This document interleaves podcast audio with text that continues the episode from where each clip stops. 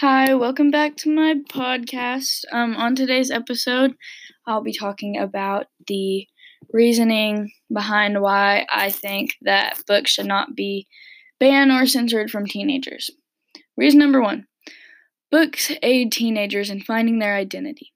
The reason why I think this is because it develops and encourages individuality.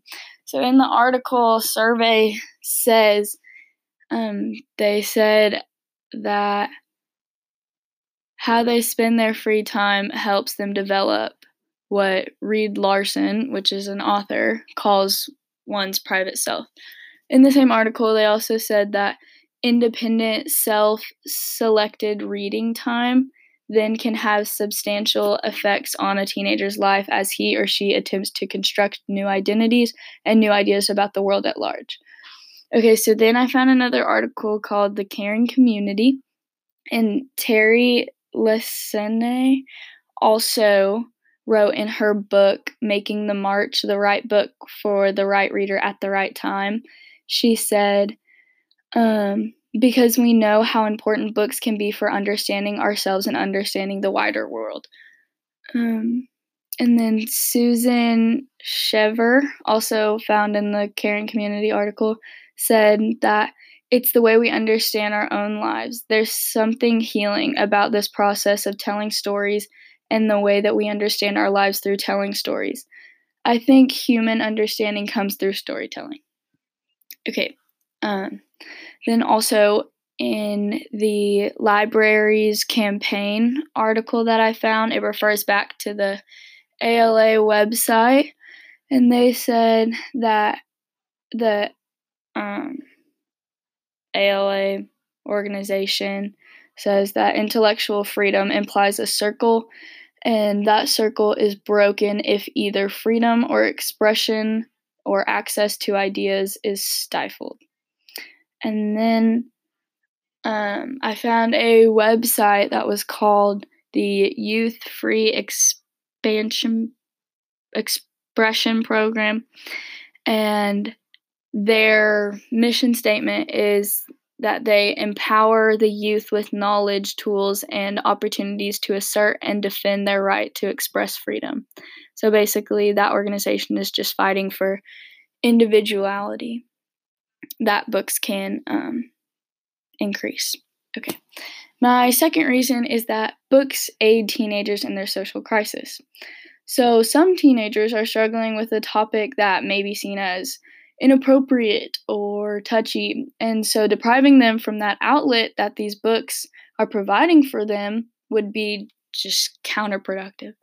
Um, so in the same article for caring community that I found that I mentioned earlier, um, Terry Lesson again said that I'm delighted and encouraged by the courageous stance uh, publishers of young adult books who refuses to give in to pressure from censors who continue to publish controversial books that have realistic teenage language and characters who have sexual thoughts and characters who are gay and that deal with some of the harsher realities of life. Teenagers want to know and need to know these things, and books are often their only way to find out. So that quote is basically just saying that, like, these books provide an outlet to some teenagers who are struggling with these harsh topics.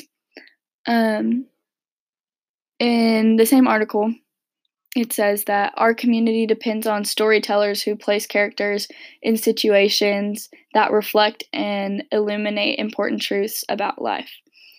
Um, these books deal candidly with issues of significance to teenagers, and perhaps more important, more importantly, they deal with human feelings. Um, the article also says that there are teenagers out there who need these books, whose reading lives can be changed. Indeed, whose emotional lives might be improved as a result of what they read. Teenagers are often desperate to find others like themselves, and if they can't find caring companions in real life, they surely can find kids like themselves in contemporary novels. Whether they are emotionally confused, physically abused, suffering from peer pressure, struggling through conflicts with parents, agonizing over moral issues, or questioning their sexual identity, there's a book waiting for them. Um, and then Donald R. Gallo, who wrote the article, says that um, as members of this community, we care about books because they contain not just information, but importantly, they transmit stories of our lives. Contemporary teenage books tell stories of all kinds of lives. And then there was another quote from the Libraries Campaign article that I mentioned earlier from the Library Bill of Rights. So, the Library Bill of Rights actually says that librarians and governing bodies should maintain that parents and only parents have the right and responsibility to restrict the access of their children and only their children to library resources. So, basically, that goes back to my reasoning saying that books aid teenagers in their social crisis because when these books are banned from all teenagers, then the teenagers that are suffering or struggling with um, the uncomfortable subjects, they're deprived of that resource that this one particular parent may have wanted to restrict for their personal child. Um, and then um, I found a website called procon.org, and they basically just deal with real issues in our community, like currently. And they basically make a pro list and a con list, and then you can look at the two side by side. And so I found a quote from Robie H. Harris, the author of frequently challenged children's books, including it's perfectly normal changing bodies, growing up, sex, and sexual health. So he said, I think these books look at the topics, the concerns, the worry, the fascination that kids have today. It's the world in which they're living in. So basically, he's saying that these books acknowledge what's actually going on in a teenager's world and what is what they're surrounded by. Um, I also think that these books help you escape from your own world. Like if you need an outlet, you can go to these books. And if they're banned from you, then you won't have that outlet anymore. Um so going back to the article, the survey says um, it says that the main reason teenagers read in their free time, Mark Anson, who's an author, says that reading is how teenagers can escape their bodies and enter new worlds escape their minds and try out other new ways of thinking, escape their environments, and imagine other ways of being. Um, so the Procon organization also had a um, point on this topic. Also, they said, well, Neil Gaiman, he said that fiction builds empathy. You get to feel things, visit places and worlds you would never otherwise know. You learn that everyone else out there is a me as well. Okay, and my last reason is that books help, no, books aid in understanding the world around us. Um, so I think that books help in this way because they give so many um, varieties and like examples of all different types of peoples and cultures to kind of widen everyone's mindsets and perspectives on our world at large. Um, so the Caring Community article said that we see value in expanding students' minds and experiences. Um, they, which is like referring to the people trying to ban or censor books, they want to keep children's mind as narrow as their own limited worldview. So it's basically saying that these parents that are trying to kind of, in a way, like protect their kids from what they don't think that they should be like seeing or reading about, um, is like limiting their perspectives on how they can view our entire world. Um, so the survey says article also has a point on this topic. They said that self-elected reading time then can have a substantial effect on a teenager's life as he or she attempts to construct new identities and new ideas about the world at large.